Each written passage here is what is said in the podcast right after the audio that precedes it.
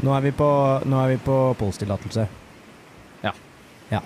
Um, Hvordan skal vi snu, smoothe oss inn i denne samtalen, Truls?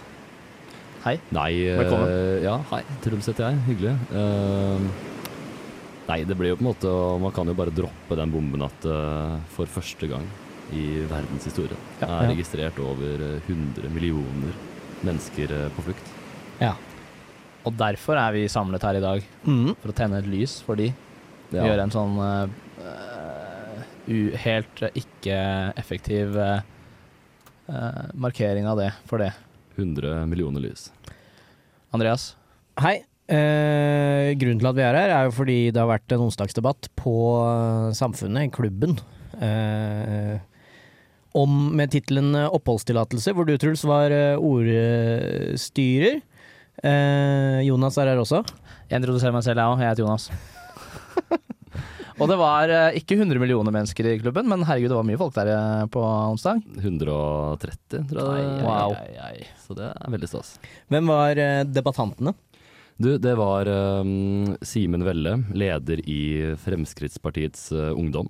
Mm. Uh, og så var det Marit Fjellvær, som er leder i uh, Sosialistisk Ungdom her i Trøndelag. Da. Mm. Og hun skal vel ha en liten shout for at hun kom på relativt kort varsel.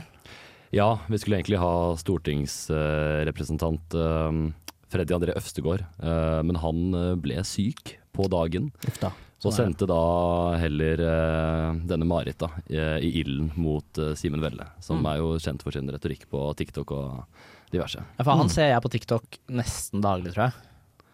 Ja, du, får, du har en slik uh, Jeg sier vel mest om din algoritme. Jeg ser han, at han eh, vil ha kald brus i, i butikken og sånt Da. Og større søndagsåpne butikker. De, de Ja. viktige kampene, da. ja. Ok, men opphetede meningsmotstandere eh, på et, eh, på et eh, veldig alvorlig tema. Hvordan var eh, din eh, tilnærming til å lede den debatten her? Nei, altså Jeg visste jo på en måte at det kom til å bli uh, hett. Uh, gnisninger. Uh, og brukte altså, brukt litt tid på TikTok for å bare se hva slags Altså hvordan denne Simen Velle legger frem sine argumenter, da. Mm. så brukte jeg ganske god tid på å forberede meg på akkurat det, egentlig. Mm. Men følte um, at jeg på en måte klarte å Ja, det ble en litt sånn morsom greie ut av det. Uh, klarte å sette han litt på plass og ta litt tak i litt sånn dumme ting han sa, og han begynte å fikle med en kalkulator. Og da Ja. var jeg sånn Hva i alle dager er det du gjør på kalkulator nå? Eh, så ja, litt morsomme ting som skjedde. Okay. Ja. Og kalkulator er Men det er jo kanskje litt sånn symptomt for det debatten ble, for jeg føler um, at mye av det vi kommer til å høre nå, er én person som mener at man skal gjøre det mest logiske, åkke som. uh, og så er det en person som har litt større hensyn til enkeltpersoners menneskeverd, kanskje. Ja, altså um, er jo veldig sånn ja, vi hjelper de der de er, Mm. og vi kan hjelpe flest mulig. Og Derfor har han begynt å regne. da Han ganga jo opp og fikk jo 300 000 eller et eller annet. Så mange kunne vi hjelpe i Syria hvis vi hadde gitt de pengene vi brukte på syriske flyktninger her, da. Mm, eh, og ja. gitt de til nærområdene. Så ja. Vi får bare høre på debatten, og så kommer vi inn igjen eh, etterpå med, med våre tanker. Med våre betraktninger. Ekspertenes, de virkelige ekspertenes betraktninger. Da tenker jeg vi kan starte med ditt eh, åpningsinnlegg, uh, Simen. Vær så god. Tusen takk. Uh, og jeg, jeg, har ikke, jeg har ikke skrevet noen greier, men jeg har lyst til å snakke til dere litt om hvordan Norge hjelper de menneskene som kommer hit, og de menneskene som ikke klarer å komme seg hit. For som ordstyreren helt riktig åpner med, så er det 100 millioner mennesker på flukt i verden i dag. Og jeg tror vi er nødt til å innrømme, egentlig umiddelbart, selv om det er en vond innrømmelse, at Norge alene er dessverre ikke i stand til å løse de enorme flyktningproblemene som verden står overfor i dag. Men jeg mener at Norge kan gjøre en del endringer i vår politikk nettopp for å hjelpe flest mulig. Og jeg mener at hvis Vesten går sammen og gjennomfører de løsningene som mitt parti foreslår, så vil man kunne gjøre en reell forskjell på de globale flyktningstrømmene. Resten av stortingspartiene i Norge de bruker mye tid på å snakke om man skal ta imot 1000, 2000, 5000 Noen strekker seg helt til 10 000 flyktninger. Men det er unnskyld meg null, niks og nada i den globale sammenhengen. Og Nettopp derfor mener jeg at vi er nødt til å bruke de milliardene som vi bruker på flyktninghjelp, på mest mulig effektiv måte. Og så skulle jeg gjerne ønske at det å åpne en flyktningleir i Norge, eller mange asylmottak i Norge, var en fornuftig, rasjonell måte å bruke de pengene på. Men fakta er det motsatte. Du får mellom 20 og 90 ganger så mye ut av en krone i et u-land som du får i Norge. Det betyr at du kan hjelpe 20-90 ganger så mange mennesker for den samme pengesekken. Og jeg mener egentlig bare det at nordmenn har et ansvar som verdens rikeste innbyggere for å hjelpe de menneskene som ikke har de samme rettighetene og mulighetene som vi er født med. Men da mener jeg at for, egentlig ut av respekt både for de menneskene som er på flukt, og overfor de menneskene som betaler skatt i Norge, så bør de pengene brukes mest mulig effektivt. Og jeg tror ikke at det å, å, å, hjelpe noen få tusen mennesker til å komme seg til Norge, få norsk skolegang, tak over hodet og alle de privilegiene som man har i Norge, er en god måte å bruke de pengene på. Dette handler om utdanning for de minste. Det handler om mat, det handler om trygghet, og det handler om et trygt sted å sove. Og de tingene kan man tilby for en mye billigere penge, for en mye mer effektiv ressursbruk andre steder i verden.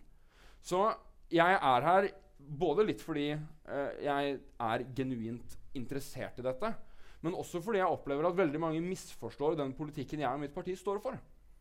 Det er sikkert mange i denne salen som tror jeg er en rasist. Det er jeg på ingen måte.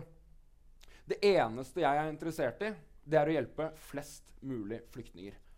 Og så håper jeg at vi kan ha en ærlig og ryddig debatt som fokuserer på fakta og ikke på følelser. Og med det så skal jeg skål, og tusen takk for at jeg fikk komme. Ja, takk uh, Simen, og skål for det. Uh, vær så god, Marit. Tusen takk for det. Veldig trivelig å være her. Jeg heter Marit, jeg er leder i Trøndelag SU, og så er jeg Trøndelag SV sin sjette kandidat til fylkestingsvalget i høst. Ved inngangen av 2022 så var det over 89 millioner mennesker på flukt fra krig og konflikt. Og etter det, i februar, så invaderte Russland Ukraina, og nå har over 7,8 millioner mennesker blitt drevet på flukt ut av Ukraina.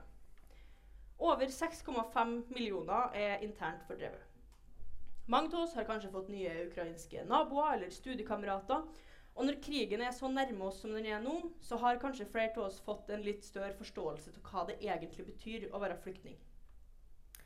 Så som ordstyreren sa, så er det over 100 millioner mennesker som er tvunget til å reise fra hjemmene sine, vennene sine og alt de kjenner til.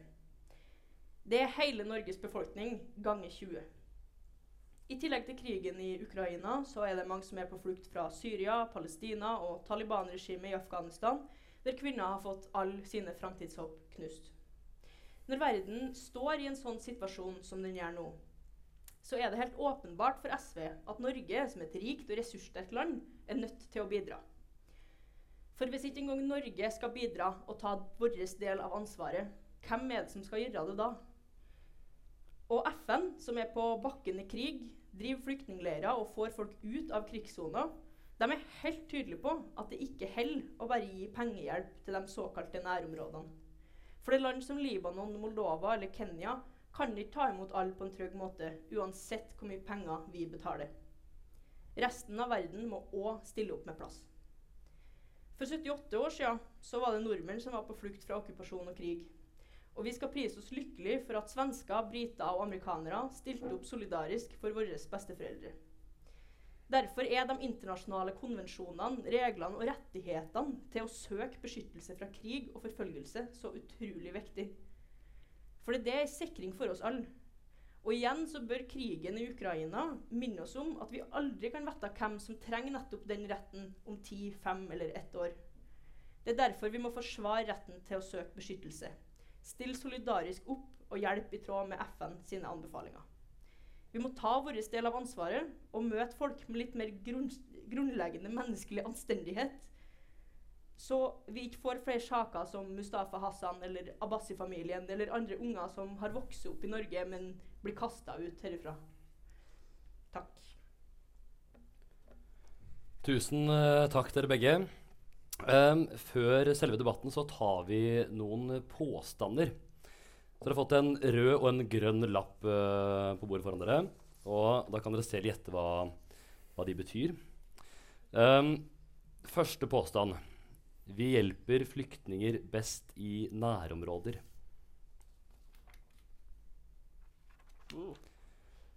Det begynner å bli trangt i Norge. Innvandrere er en belastning for norsk velferd.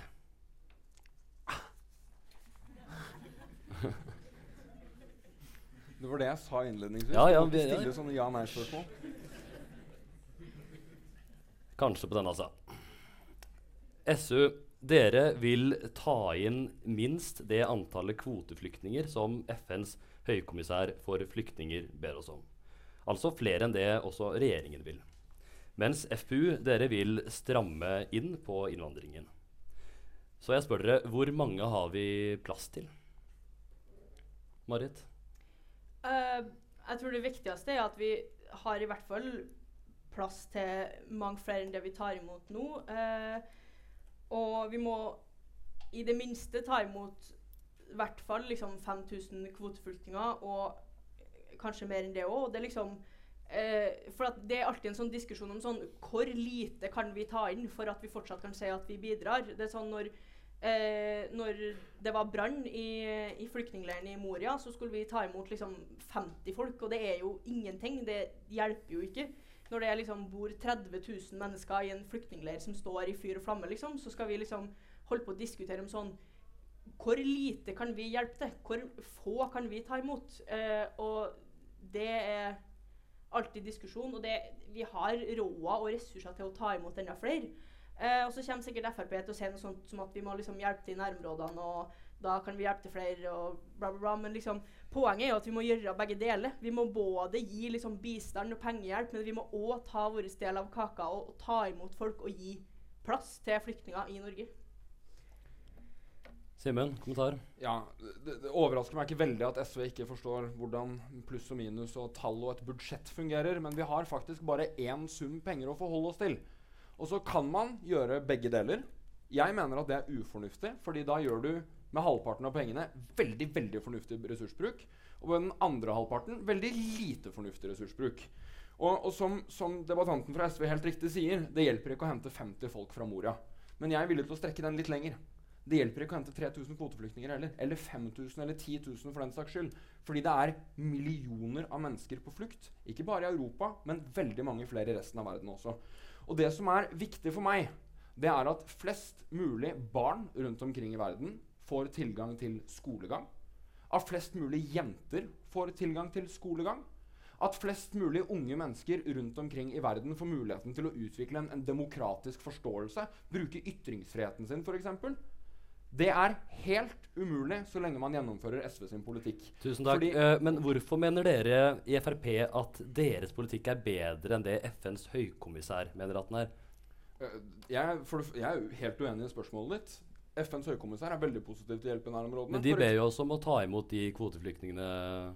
De gir jo oss et antall kvoteflyktninger. Det gjør de. Ja. Men de ber også om penger til hjelp i nærområdene. Og jeg mener at hvis man kan bruke den samme summen som man bruker på 5000 på å hjelpe 300 000 mennesker, så er det en betydelig bedre måte å hjelpe mennesker på. Jeg tror alle forstår at 300 000 er bedre enn 5000. Det handler om menneskeliv. Det handler om hvor mange man kan hjelpe for disse pengene. Og det handler om det at det er ikke sånn at man har en sånn uendelig sekk med skattepenger som man bare kan tømme fordi man syns det er et godt tiltak. Jeg mener at vi som politikere burde ta litt mer ansvar enn som så. Ja, Og takk. sørge for Ok, for all del. Marit, vær så god. Ja, altså det er jo nettopp det du sier om at det er så mange millioner mennesker på flukt i verden at vi er nødt til å stille opp med plass til flyktninger og innvandrere i Norge òg. Altså, dere snakker hele tida om liksom nærområdene skal stille opp, men det er jo fullstendig ansvarsfraskrivelse. For nærområdene har veldig ofte sprengt kapasitet. I Libanon for eksempel, så er 20% av den totale befolkninga eh, flyktninger. Og Libanon sliter fordi at verden skriver fra seg ansvaret. Vi, vi tar ikke ansvar, vi tar ikke inn folk, liksom. Eh, og det handler om den manglende viljen som er over hele fjøla. Eh, og det er fordi rike land driver med nettopp denne ansvarsfraskrivelsen. Nei, vi, vi kan ikke ta imot noen folk, vi skal bare liksom kaste litt penger, så går det bra. Men vi kan bruke mer penger på det her. Vi trenger ikke å bruke de pengene på liksom skattelette til Gustav Witzøe, liksom. Det er Ok. vi, vi har råd til å både hjelpe i nærområdene og til å ta inn folk i Norge. Og FN de er helt tydelige på at det hjelper ikke bare å sende penger etter, til, til nærområder. Vi må ta imot folk, vi må stille opp med plass. For det, det er sprengt kapasitet i flyktningleirer over hele verden. Um, disse nærområdene du snakker om, Simen, de er jo i de aller fleste tilfeller fattige land og huser allerede den desidert største andelen av verdens flyktninger. Er det ikke usolidarisk å mene at disse landene skal gi plass til enda flere? Snarere tvert imot. Da krisen, eller krigen i Syria brøt ut i 2012, så ble over to millioner syrere fordrevet til Libanon. Eksempelet som debattanten fra SV dro i stad. To millioner flyktninger. Det er sinnssykt mange mennesker som trenger mat, vann, tak over hodet, trygghet og utdanning. Og så spør Libanon FN om hjelp.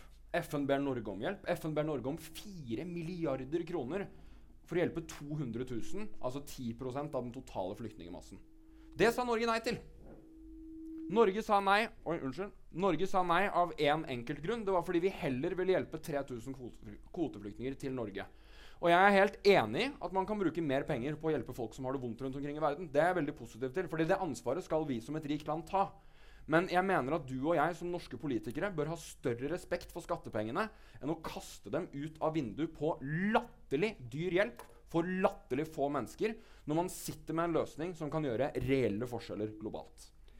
Um, Simen der nevner jo at man kan hjelpe opp mot 20 000 i nærområdene. Altså Det høres jo fantastisk ut. Hvorfor gjør vi ikke det, Marit? Ja, det høres jo fantastisk ut hvis, hvis det hadde funka sånn, men, men, det gjør jo ikke. Både fordi at nærområder har ofte sprengt kapasitet, som jeg sa i stad, men òg fordi at eh, med sånn eh, eh asylmottak i tredjeland som Frp vil ha, så er jo det egentlig bare en dårlig unnskyldning for å ikke ta imot flyktninger i Norge. Eh, fordi at å dytte ansvaret over på andre folk, det er ikke solidaritet. Og det er nettopp solidaritet vi trenger. Vi har ikke egentlig en flyktningkrise, vi har en solidaritetskrise. Fordi vi stiller ikke opp. Vi bare dytter ansvaret fra oss. Um, og altså det skal fungere sånn, altså Frp vil jo heller ikke at det skal være mulig å liksom få asyl når du kommer til grensa i Norge. Og det er jo, det er jo helt sjukt. Eh, og, det, altså, vi, må, vi, må, stille opp for de folkene som kommer. Og så skal vi da først liksom Først skal du komme hit, og så skal du få beskjed om at greit, du har liksom krav på beskyttelse, og så skal du bli sendt til et trygt tredjeland, liksom. Og det er jo en helt bakvendt ordning. Vi må jo heller stille opp og ta inn de folkene vi kan. Og vi har ressurser, og vi har plass til å ta inn flere. Erna Solberg sier at vi skal føde flere unger i Norge. Vi kan liksom først stille opp og hjelpe alle de ungene i verden som er på flukt. Tusen takk. Ja, Du nevner eh, altså asylmottak i et eh, land nummer tre. Eh, for Storbritannia og Danmark planlegger for en ordning hvor asylsøkere sendes til et tredjeland. Mm. Altså å betale andre land for å opprette asylmottak der. Frp og da FPU eh, ønsker, en, ønsker å innføre en slik ordning i Norge. Hvordan vil dette fungere i praksis, uh, Simen? Det vil, La meg aller først starte med hvorfor vi gjør det. Det mener jeg er en ganske viktig, viktig påpekning. Og, og, og, et av de største problemene med den flyktningstrømmen som beveger seg mot Europa i dag, det er at veldig mange av de flyktningene de krysser Middelhavet. Og jeg tror dere alle er enige med meg når jeg sier at det å krysse Middelhavet uten redningsvest i en liten gummibåt, det unner jeg ikke min verste fiende engang. Det er ingen som fortjener den ferden som kreves for å komme til Norges grense. Men, men flyktningene altså etter denne modellen mm. de må levere asylsø asylsøknaden sin i Norge Nei. Før de blir sendt til et uh, annet land. Det stemmer ikke. Hvordan hindrer dette da den farlige reisen til Europa? Ja, Det stemmer ikke. Uh, fordi man kan søke i hver eneste norske ambassade rundt omkring i hele verden om asyl uh, i Norge. Uh, og så er poenget vårt det at man skal hjelpe flest mulig mennesker for de pengene vi har til rådighet for å hjelpe mennesker. Den hjelpen den skjer dessverre ikke i Norge. Skulle gjerne ønske at den gjorde det, men her er det dyrt. Og så vil jeg samtidig spare veldig mange flyktninger for den farefulle ferden over Middelhavet. Fordi det som er konsekvensen av å måtte flykte gjennom Europa, det er menneskesmugling. Det er et liv i seksuelt slaveri for veldig mange unge kvinner. Og det er mangelen på de grunnleggende frihetene som folk flykter til i det hele tatt. Så jeg mener at den beste måten å ivareta flest mulig flyktningers sikkerhet, det er å sørge for at de slipper å krysse Middelhavet i det hele tatt. Vær så god, Marit. Ja, jeg lurer på om det egentlig handler om å hjelpe flere, når folk etter å ha tatt denne farlige reisa til Europa skal øh, først må vente på å liksom, ha fått øh, innvilga at du har krav til beskyttelse, og så skal du bli kasta til tredjeland igjen. Hadde ikke liksom du hadde jo kunnet hjelpe flere og hatt et mer effektivt system hvis du bare kunne ha fått komme inn i det landet du har kommet til. Fordi Frp vil liksom fjerne retten til å kunne få asyl når du kommer på grensa til Norge. Så hvis du først har tatt denne reisa, så skal du bli flytta til et annet land igjen. Da høres det ikke ut som det handler om å hjelpe så veldig mange flere. Og handler det om sikkerhet når man vil fjerne retten til innreise i Norge, man vil begrense muligheten for familiegjenforening. Flyktninger har rett til å ha et familieliv. Det er en menneskerett, liksom. Og så kommer Frp og sier vi skal begrense retten til å få familiegjenforening i Norge, fordi vi vil ta så mange flere folk her. Men, men altså, FN anslår at minst 25 000 mennesker har mistet livet i Middelhavet siden 2014. Hvordan har dere tenkt å stanse denne farlige ferden over Middelhavet? Eh, nei, for det første så må vi jo vi må jo endre de systemene som gjør at man liksom er nødt til å flykte over Middelhavet i en, i en gummibåt. Og så For eksempel å hjelpe vi dem et Vil- annet sted. Ja. Hvilke systemer snakker du om nå, da? Eh, for eksempel så er det et stort problem eh, med folk på flukt at det er arrangert såkalte pushbacks, som gjør at man når kommer eh, eh, med en båt inn til et land, så blir man dytta tilbake før man har muligheten til å krysse grensa og eh, søke om asyl, som gjør at man eh, da liksom må være enda lenger i fare. Eh, og man må få bukt med liksom eh, problemer som menneskesmugling og menneskehandel. Eh, og de her problemene løser vi ikke med å dytte ansvaret fra oss eller å kjøpe oss ut av problemet. Vi løser det med solidaritet, og vi sikrer en tryggere flyktningpolitikk.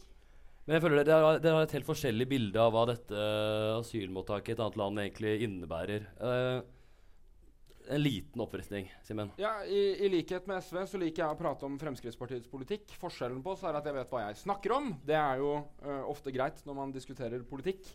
Uh, hele greia med asylmottak i tredjeland dette handler i veldig stor grad om en løsning som Australia gjorde for noen år siden. For det man så var at veldig mange mennesker de flyktet fra Sørøst-Asia til Australia i nettopp de gummibåtene som man ser på Middelhavet i dag. Det druknet haugevis av mennesker, og Australia de tenkte at de er nødt til å, å gjøre en forskjell. Man er nødt til å endre politikken sin. Og det man gjorde da, det var å si at nei, krysser du havet og kommer til Australia, så kommer du ikke til å slippe inn. Men det man sa samtidig, det var at nei, du slipper ikke inn i Australia, men vi kommer til å hjelpe deg før du krysser havet. Og Det, det å da møte opp på en ambassade i ikke nødvendigvis landet. å møte opp på en ambassade, men det å f.eks. bidra med uhjelp til de landene hvor folk flykter fra. Det å hjelpe nabolandene til disse landene med å bygge asylmottak, flyktningleirer. Rett og slett hjelpe med de mest basale behovene som flyktninger har. Og, det, og jeg, jeg vil bare påpeke denne solidaritetskrisen som SV snakker om. Fordi ja, jeg er helt enig. Det fins en solidaritetskrise. Og den krisen den er at du forteller disse menneskene her at 5000 mennesker som blir hjulpet inn i et for å si det rett ut, et veldig godt liv i Norge, at det kommer til å ha en forskjell på de globale problemene. Det Men, men, men hvorfor, hvorfor tror du Den afrikanske unionen og FNs høykommissær for flyktninger fordømmer dette systemet ditt? Det syns jeg er veldig spesielt, med tanke på at FNs høykommissær Veldig spesielt. Det er jo ganske høye organer vi snakker om, da. Jo, men med tanke på at FNs høykommissær for flyktninger var veldig positiv når Israel gjorde det samme for tre år siden, smilte fra øre til øre da Australia gjorde det for seks år siden. Så det å si at FNs høykommissær for flyktninger er den eneste autoriteten på, i verden på å hjelpe flyktninger, det er jeg uenig i. Og så er ikke det det samme som at jeg er imot FNs høykommissær for flyktninger, for jeg syns det er et fornuftig konsept. Men det må faktisk lov å være uenig med noen, selv om de kommer fra FN, altså. Tusen takk. Marit, vær så god. Ja, jeg vil bare liksom kommentere litt på det her med at liksom Ja, det hjelper ingenting om vi tar imot 5000 flyktninger, men det handler jo ikke om at det er en tanke om at liksom Norge skal hjelpe absolutt alle i hele verden. Det handler om at Norge kan være et foregangsland fordi vi er et rikt og ressurssterkt land. Så hvis vi kan være et foregangsland på å ta vår del av kaka, ta vår del av ansvaret, i stedet for å skrive det fra oss og kaste folk ut av landet og bare liksom opprette eh, asylmottak i tredjeland og kjøpe oss ut av problemet, så kan vi heller ta vår del av ansvaret og vise verden at sånn her bør man gjøre det. For hvis alle land som har ressurser og er rike nok til det, kan ta sin del av det, det globale ansvaret, så har vi løst problemet, liksom. Eh, Simen, du sa i stad eh, det? Nei, så skal jeg først lede deg inn på noe annet her. Uh, du sa i stad at eh, i Israel så fungerte dette bra med et asylmottak i Rwanda, var det vel? Mm. Uh, ifølge det amerikanske magasinet Foreign Policy så endte nesten alle opp hos menneskesmuglere eller slaveri. Fungerte da denne løsningen godt i dine øyne?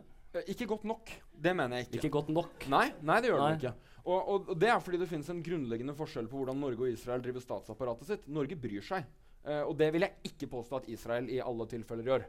Uh, og så mener jeg samtidig at jeg, jeg må få lov til å påpeke det at altså, Det å si at det å hjelpe 20-90 ganger så mange mennesker er å kjøpe seg ut av problemet, syns jeg er ganske billig retorikk fra SV. Fordi det det handler om, det er å hjelpe mennesker på flukt. Og hvis alle de rike landene i verden hadde gjort sånn som du foreslår, så hadde vi hjulpet 6% av verdens flyktninger. Hvis alle de rike landene i verden hadde gjort sånn som jeg foreslår, så hadde man hjulpet alle sammen. Og, og det er jo det som er poenget mitt. Skal man hjelpe én, eller skal man hjelpe 90? Skal man hjelpe ett enkelt menneske, eller skal man hjelpe tre skoleklasser med små barn? Jeg mener at det er relativt enkelt, selv om det ikke betyr at jeg får et asylmottak i mitt nabolag. Altså, det, det er ikke sånn at du hjelper flyktninger best med å ha dem tettest på kroppen. Du hjelper flyktninger best med å finansiere løsningene deres på en fornuftig måte. Og SV viser i den debatten her at de har null forståelse Tusen takk. tusen takk. Marit, kommentar? Ja, for det, det, er nettopp, det er jo nettopp det dere vil. Dere vil kjøpe dere ut av et problem, sånn at dere slipper å ha flyktninger tett på kroppen.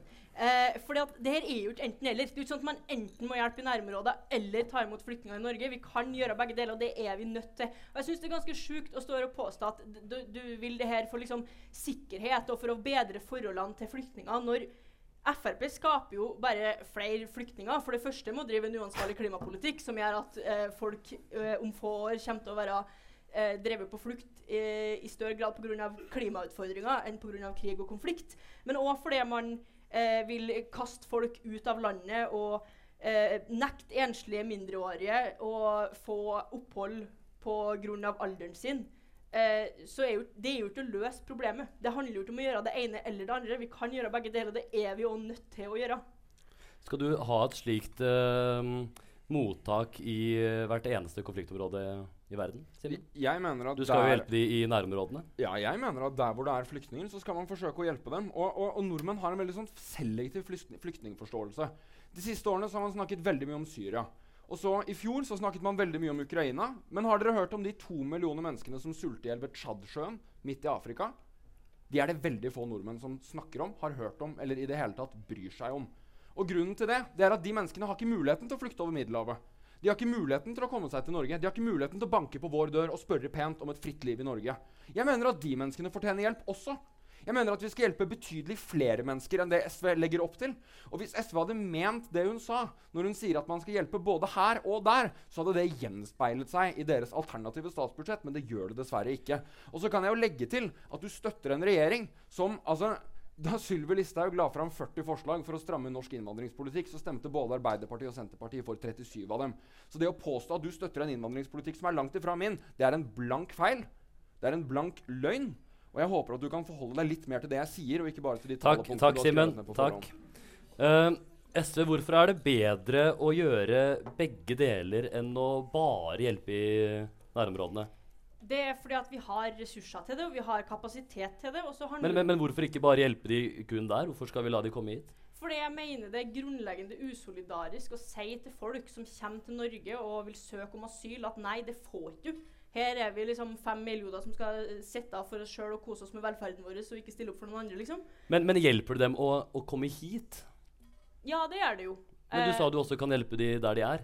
Ja, for det, man er jo på en måte Man er jo nødt til å stille opp med, med bistandspenger og til å bedre forholdene i mange av flyktningleirene verden over, der folk lever i helt uh, inhumane forhold.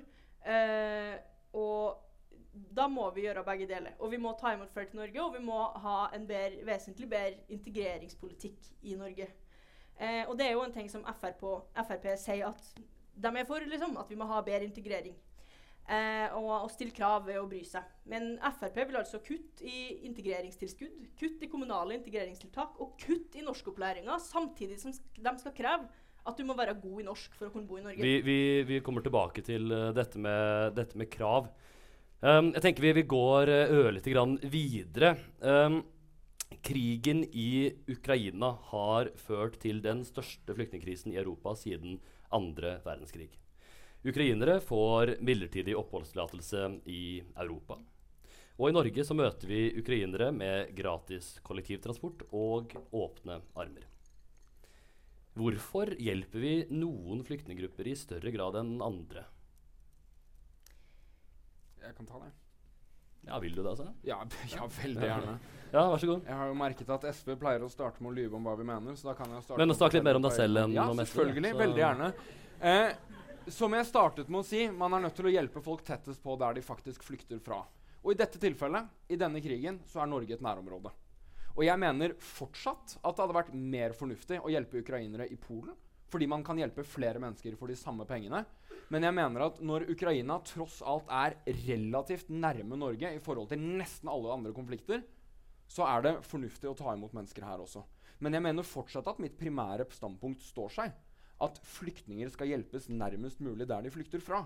Og Det er ikke det samme som at den ene landsbyen blir bomba, så drar du tre kilometer østover og finner en flyktningleir. Ikke i det hele tatt. Det skal være trygt, det skal være ordentlig, og det skal være trygge rammer for de menneskene som bor der. Men det skal være flest mulig mennesker. Vi skal hjelpe flest mulig, og den politikken SV legger opp til, det er dessverre ikke å hjelpe på langt nær så mange som det jeg ønsker å gjøre. Marit, Ja. hva tenker du? Eh, nei, jeg tenker at eh, måten som mange nordmenn har stilt opp for ukrainske flyktninger på, med husrom og donasjoner og annen hjelp, det er kjempebra. Og jeg skulle ønske at det var sånn vi møtte alle flyktninger, alle flyktninggrupper, og at det ikke var så tydelige forskjeller. I hjemkommunen min for eksempel, så var det veldig mange etter, eh, etter Russland invaderte Ukraina, så var det veldig mange som meldte fra til kommunen om at de kunne stille opp med, med husrom når det kom eh, flyktninger fra Ukraina dit. Um, men når det kom flyktninger fra Syria i 2015, så var det demonstrasjonstog for å legge ned asylmottaket. Eh, og den ene syriske flyktningen som gikk i klassen min, ble utsatt for rasistisk vold. Det er ganske tydelige tendenser på hvordan vi møter ulike grupper her. Og det begynner å bli ganske tydelig at det her, det her handler om rasisme. Liksom. For man møter noen flyktninggrupper med åpne armer, og andre ikke. Eh, og det er kjempebra måten vi har stilt opp for ukrainske flyktninger på. Og jeg skulle ønska det var sånn vi møtte alle andre òg. Takk. Eh, Simen, jeg så du tok fram en kalkulator her. Ble veldig nysgjerrig. Hva regnet du på nå? Nei, Jeg regnet på hvor mange syriske flyktninger man kunne hjulpet for de samme pengene som jeg har hjulpet ukrainere for i år. Og det hadde du alle variablene som trengtes? Ja, nei, alt, På fra, papiret? alt fra 700 000 til 3 150 000 mennesker kunne Ja, man hjulpet. Poenget mitt her er enkelt. Poenget mitt er at man skal hjelpe flest mulig mennesker. Og jeg forstår at jeg sier det samme på gang på gang på gang, men det er fordi det er sant. Det handler om å hjelpe flest mulig mennesker. Og så har jeg lyst til å legge til en ting. Den rasismen som du snakker om, jeg, jeg, jeg tror faktisk det er noe der. Jeg er helt enig med deg. I måten sivilsamfunnet har reagert på i Ukraina-krigen i forhold til andre kriser, det er en åpenbar forskjell. Men det er noe annet enn å påstå at Fremskrittspartiet, Høyre, Arbeiderpartiet, Senterpartiet og resten av det politiske Norge er rasister. Så ja, jeg tror det fins en forskjell i måten vi som enkeltmennesker snakker om mennesker på, hvordan vi oppfører oss på, og hvordan vi tar imot flyktninger på. Det syns jeg vi alle kan gå i oss selv og tenke litt over. Men det er et langt strekk fra det standpunktet til å påstå at Stortinget er rasistisk. Takk. Dette med at vi åpner ukrainere, at vi åpner opp armene våre for ukrainere, har det noe med at de kanskje er litt enklere å integrere enn andre grupper? Marit? Jeg tror det handler om vilje. Eh, hvem har vi lyst til å integrere? Eh, og så kan ikke jeg huske på at jeg har påstått at alle på Stortinget er rasister, men eh, greit nok. Eh, og så er jeg litt sånn usikker på Handler det om å hjelpe flest mulig når folk kommer til Norge og vi kaster dem ut igjen? Er det effektivt? Når de først har kommet hit, og vi sier Sorry, Mac, gå og finne en annen plass å være. Det, det er jo ikke effektivt. Det er jo ikke å hjelpe flest mulig. Og integrering, det er jo det er veldig viktig. Og det handler om vilje. Når ønsker vi å stille opp? Hvem ønsker vi å stille opp for? Og da må vi stille opp likt for alle sammen. Vi må møte alle som kommer inn i Norge med de samme åpne armene og husrommet og donasjonene som vi har møtt eh, flyktninger fra Ukraina. Frp de ønsker å stanse mottak av flyktninger fra andre deler av verden og heller prioritere ukrainske flyktninger. Er du enig i dette, Simen? Jeg mener i utgangspunktet at vi skal hjelpe alle flyktningene nærmest mulig der de kommer fra, nettopp fordi man bruker fryktelig mye Altså, ressursbruken er mye mer effektiv. Og bare for å svare på det SV sa Ja, jeg mener at det er mer effektivt. Fordi man én hjelper 90 ganger så mange mennesker, og to stopper mennesker fra å drukne i Middelhavet. Og jeg driter blankt i om jeg blir kalt en rasist. Jeg kunne ikke brydd meg mindre om hva folk syns om meg. Statistikken er tydelig. Tallene er tydelige. Og, og, og, hvis det dere ønsker er en sånn god sosialistisk sovepute og føler dere kjempefornøyde med 5000 kvoteflyktninger, så for all del. Men ikke glem de 100 millioner menneskene som nordmenn ikke hjelper i dag. Og det er mitt poeng. Vi er nødt til å se litt lenger enn vår egen navle. Vi er nødt til å se litt lenger enn Svinesundbrua. Og vi er nødt til å fokusere på hva som faktisk skjer der ute i verden. For det som skjer, er ganske jævlig. Og, og, og, og hvis vi skal ta inn over oss de tingene som faktisk skjer, så er vi også nødt til å ta inn over oss at vi er nødt til å hjelpe flest mulig mennesker. Og den hjelpen, den skjer faktisk i nærområdene. Marit? Hvordan er det å hjelpe flest mulig mennesker på en best mulig måte, og når at unger som har vokst opp i Norge, bodd her hele livet, og kaste dem tilbake til et heimland de aldri har vært i? Hvordan er det å hjelpe flest mulig folk? Det er et veldig godt spørsmål, syns jeg i hvert fall. Hva syns du, Simen? Nei, jeg, jeg, jeg, og jeg syns det er et, et godt spørsmål, og, og jeg setter pris på at det blir tatt opp. Fordi Mustafa-saken, som jeg regner med at dere alle sammen har fått med dere, er en sak som personlig har gått veldig inn på meg. Mustafa er en av mine barndomsvenner. Jeg har vokst opp i samme gate som han, og han bodde et halvt år under mitt tak. Det er en av mine beste venner, og den, den, den behandlingen som han har fått av Norge, den mener jeg er urettferdig. Jeg er tydelig til Mustafa når jeg snakker med han om at når han først kom til Norge, så mener jeg at han skulle fått hjelp i et tredjeland. Men jeg mener også at når staten har somlet 14 år av guttens oppvekst på å fatte et endelig vedtak, så er det ikke Mustafa som skal betale den prisen.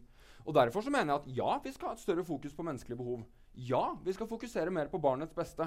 Men vi er også nødt til å ha noen tydelige regler. Og i, i, i Mustafas tilfelle så hadde faktisk moren løyet på asylsøknaden sin.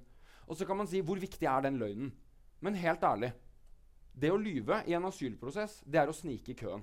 Og det betyr ikke bare at du sniker i køen for å få kebaben din klokken tre på fire istedenfor klokken fire på natta. Det betyr faktisk at du sniker i køen foran mennesker som trenger hjelpen enda mer. Og jeg mener at vi er nødt til å nok en gang ta inn over oss at det er mange mennesker på flukt i verden. Og da må vi være rettferdige for de som kommer til grensen vår, og samtidig hjelpe flest mulig mennesker der de er. Gode kebabeksempler her, men eh, Men hva Altså, disse menneskene som kommer hit på ulovlig grunnlag, og så klarer ikke staten å finne ut at de har vært her på ulovlig grunnlag før etter mange år. De er her ulovlig, Marit. Jeg syns det er ufint å kalle mennesker ulovlig, men eh, altså Det er sånn OK, mor di løy når du var tre og et halvt år, liksom, og så skal du betale for det når du har vokst opp her og bodd her hele livet. Eh, jeg syns det er helt sjukt at vi da velger å kaste ut de ungene og de menneskene. Eh, for det faktum er jo at vi har jo plass. Vi har jo ressurser til å ha flere folk her.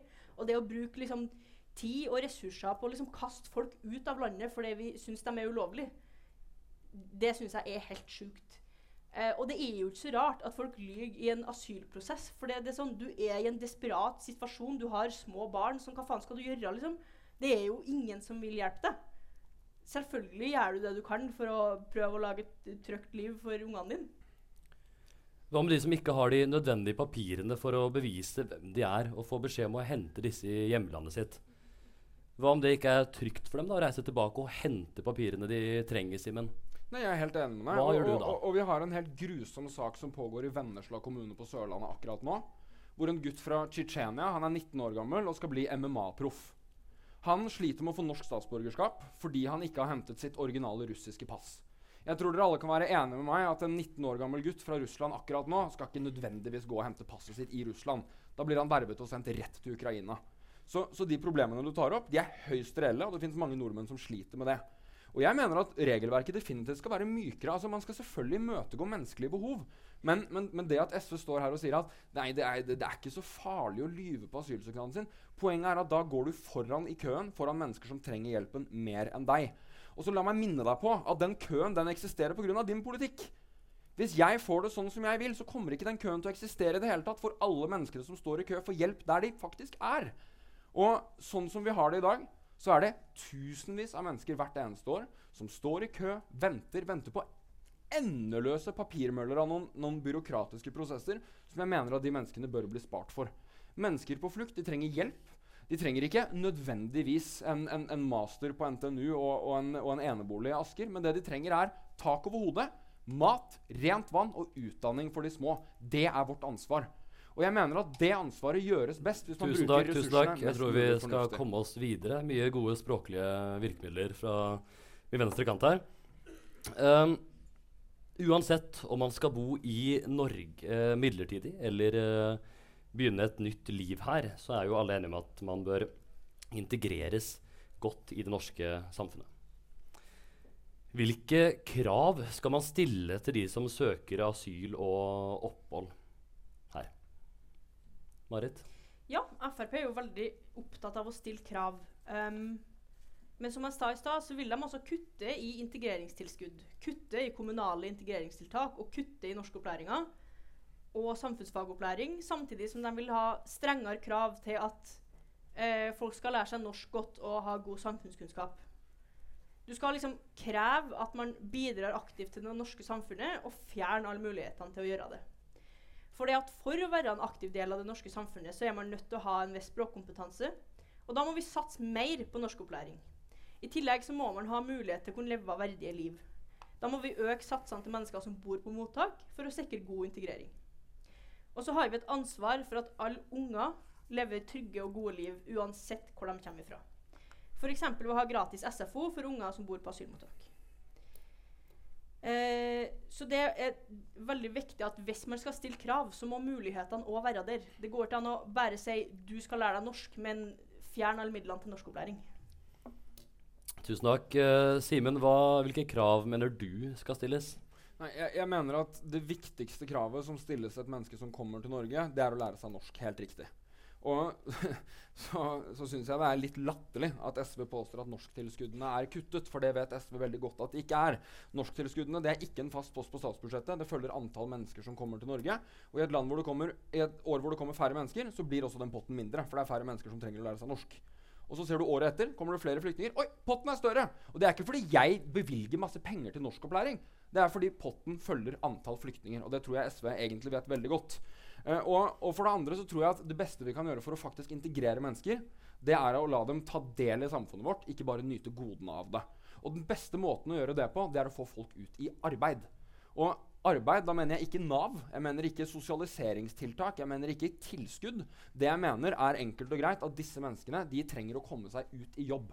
Jeg tror ingen sosiale tiltak fungerer bedre enn 8 til 4 fem dager i uka. Og det er nettopp det vi er nødt til å skape for disse menneskene. Men da er man nødt til å Tusen stille takk. tusen takk. Uh, burde vi fordele flyktninger mer jevnt utover landet, slik at vi ikke får områder med en veldig stor innvandrerandel? Altså unngå svenske tilstander. Marit? Eh, jeg tror det er veldig lurt å, å i større grad eh, fordele flyktninger utover landet. Og det ser man jo at det er jo flere distriktskommuner for eksempel, som har sagt at eh, vi kan gjerne ta imot flere flyktninger her, men får liksom ikke lov av staten. Eh, og og det, det tror jeg er veldig viktig. Og i store byer å eh, spre hvor man eh, har bosettelse hen, for det sikrer bedre integrering. Og man eh, kan, eh, kan skrive under på at man kan leve gode liv på bygda òg. så det tror jeg nok er veldig lurt, ja. Å la de uh, distriktskommunene uh, som har lyst til å eh, Eller ikke bare som har lyst, men at man eh, rett og slett fordeler det mye bedre. Det tror jeg er veldig lurt, for det, det, det er et godt integreringstiltak. Vil en kommune styrt av Frp godta dette? Det tror jeg jeg skal la ordføreren og kommunestyret bestemme seg for. Uh, for der har vi ikke noen fast kommunepolitikk. Men, men eh, jeg, jeg skal tillate meg selv å være helt enig med SV i én ting. Og det er at jeg tror det er lurt å, å spre geografien i de flyktningene vi tar imot, nettopp for å integrere dem raskere i det norske samfunnet. Men det er ikke sånn at norske distriktskommuner ikke får lov til å ta imot flyktninger. Det nasjonale kravet er veldig enkelt. Hvis mer enn 25 av menneskene som bor i kommunen, er førstegenerasjonsflyktninger, så får ikke kommunen lov til å ta imot flere mennesker. Det er da én av fire innbyggere. Og jeg mener at Hvis mer enn 25% av kommunens innbyggere er flyktninger, så har man det problemet vi sitter og snakker om. Så det nasjonale kravet er ikke et problem i seg selv. Men det som er et problem, det er f.eks. de bydelene rundt der jeg bor i Oslo. Hvor man ser enorme gjengproblematikker, hvor man ser kriminaliteten skyte i taket. Og Det er ikke fordi disse unge, menneskene er onde, men det er av to grunner. For det første fordi man sliter med å integrere dem i det norske samfunnet. Og for det andre fordi det ikke fins nok arbeidsplasser. Det vi trenger å gjøre, er å få folk ut i ærlig arbeid. Da kjenner man på skatteseddelen. Man syns det er deilig når lønna kommer på konto, og man deltar i det norske samfunnet. Med julebord og fredagspils og det som eh, hører til. Men det jeg, det jeg er veldig skeptisk til, det er den løsningen som, som SV skisserer, som er å bare ta imot mennesker. Eh, Simen, du sier at gjengkriminaliteten i Oslo den har økt uh, de siste årene. Mm. Uh, skyldes det dårlig integrering, eh, SU?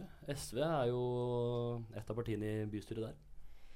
Eh, Oslo um, eh, Ja, altså Eller uh, burde man sendt disse flyktningene til uh, noen Frp-kommuner, kanskje? Det tror jeg kanskje ikke hadde vært så hyggelig, men uh, Men altså, noe av problemet med, med det er jo nettopp den her eh, rekrutteringa. Man ser jo at det har sammenheng med frafall i videregående f.eks. Eh, og den type ting. Så jeg tror kanskje akkurat det løser man med en sammensatt løsning. Sikre en, en videregående skole der elever har lyst til å gå, som man ikke dropper ut av. Så man, eh, har man automatisk liksom mye mindre fare for å havne i et gjengmiljø. Eh, så der tror jeg det er liksom eh, forskjellige tiltak som er viktig. Vi er jo i Trondheim eh, kommune akkurat nå. Og papirløse eh, i Trondheim kommune de får uh, helsehjelp. Og da går kommunen altså imot uh, den politikken regjeringen fører. Um, hva tenker du om det, Simen? Jeg, jeg syns den er, den er kinkig. Og grunnen til det er at jeg mener ikke at mennesker som har utreiseplikt, skal få lov til å nyte goder av det norske velferdssystemet, sånn rent prinsipielt.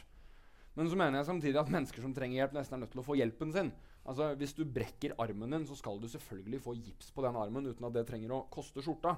Eh, og jeg syns forsøksprosjektet som, som Trondheim gjør, er spennende. Jeg skulle ønske at man fikk et nasjonalt regelverk for å ivareta begge de to prinsippene samtidig. Eh, og så syns jeg det er ganske artig at Trondheim Arbeiderparti nok en gang går mot regjeringen. Ja, du er jo fra fylket Trondheim. Trøndelag. Trøndelag. Trøndelag. Trondheim. Det stemmer. Det stemmer. Til og med jeg vet at det er feil. Ja, der er du, der er du veldig god, Simen. Det Det er veldig bra. skikkelig imponerende. Nei. Marit, hva, hva tenker du om dette? Bør man gi helsehjelp til papirløse flyktninger? Ja, det syns jeg absolutt. Eh, papirløse flyktninger eh, har jo ekstremt liksom, begrensa muligheter og rettigheter og levde i en, en veldig desperat situasjon. Eh, og jeg tror man veldig ofte kan være redd for å oppsøke hjelp, så det å ha et tilbud er veldig viktig. Eh, for selv om man snakker om liksom, ulovlig opphold, så er det jo viktig å huske på at det er jo ikke ulovlig å gi helsehjelp. Det er jo livsviktig å gi helsehjelp til folk som trenger det. Eh, og det bør man gjøre uavhengig av eh, om folk har oppholdstillatelse eller ikke. Ja, da nærmer vi oss pause, men før pause har jeg et siste spørsmål til dere. Um, si én positiv ting om asylpolitikken til den andre debattanten. Bortsett fra det med å spre flyktninger jevnt uh, utover landet. Simen? Vær så god. Jeg, jeg mener at SV har et, et sånn veldig godt fundament. Altså, du mener riktig. Jeg er uenig i mange av tiltakene dine, men jeg, men jeg opplever at, at SV genuint tror på det de mener. Og, og det Men, men, men, men jeg, jeg, og jeg, jeg, skjø- jeg skjønner at det var litt dårlig formulert, men, men, jeg, har lyst til å, har lyst til å en, ende dette på en litt seriøs note allikevel. Fordi det er det som er så utrolig deilig med å være norsk politiker. Det er at uansett om jeg snakker med Høyre eller med Rødt eller med Miljøpartiet eller hvem nå enn det er, så mener vi alle veldig godt. Og så ja, vi har noen forskjellige politiske løsninger. Ja, vi kan krangle så busta fyker, men når alt kommer til alt, så er ønskene våre og målet vårt det samme. Uh, og, og utover det så er jeg uenig med SV. Takk. Det er jo imponerende at uh, ingen vil gjøre det verre for disse menneskene. da. Det er jo utrolig bra. Marit, noe positivt om uh, Simens politikk her i kveld? Um, altså jeg, jeg tror at liksom Eller jeg syns at hvis det stemmer at det handler om å hjelpe flest mulig mennesker, så er det en god intensjon. Her er det fint å ha en jingle eller noe, føler jeg. Jeg heter Simen Mølle og er leder av SPU. Du hører på Storsalspodden, en podkast om det som foregår i Storsalen på Studentersamfunnet. Vi har hørt eh, den eh, onsdagsdebatten, vi nå. Mm. En spennende debatt, uh, syns jeg, og det var godt ledet. Jo, jo, takk. Og en eh, såkalt eh, s- altså svært polarisert debatt. De som, de som kommer med kritikken 'det er ikke meningsmotstandere nok på samfunnet', de burde ha vært der på onsdag, tenker jeg i hvert fall. Mm. Ja, det ble ikke um, enighet på slutten, i hvert fall. Nei, men det er vanskelig. Jeg følte det jeg satt igjen med etter, um, etter debatten, var at jeg hadde sett de Jeg, jeg følte at de snakka De debatterte på forskjellige premisser.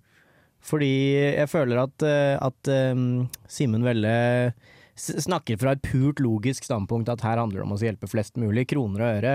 Hvordan gjøre det best mulig. Og så tar han kanskje ikke så mye høyde for hva gjør vi med de stakkars skjebnene til de som har kommet hit. Mens eh, Marit fra eh, SU debatterer kanskje mer på, på enkeltindividenes eh, skjebner og, og, um, og eh, Man må jo gjøre begge deler, da. Jeg følte at de egentlig ikke tok hverandre helt på hverandres uh, Premisser. Premisser. Det ble, det ble som én person som mente hva, hva gjør vi med de som har det for jævlig i Syria i dag, og så var det én person som snakket om hva gjør vi med de som dukker opp her, mm. på et vis. Ja, mm, jeg er litt, litt uenig. Ja. Ja. Um, Så bra. Ja. um, altså, det handler jo om at måtte, han vil jo bruke penger der de er, nærområdene. Mm. Um, men som hun Marit da trekker frem, er jo at disse områdene er jo um, i de aller, aller fleste tilfellene er jo ekstremt fattige nærområder. Mm. Sånn, jeg tror det er over 70% av dagens flyktninger bor i på en måte, et land som grenser til sitt eget hjemland. Da. Mm.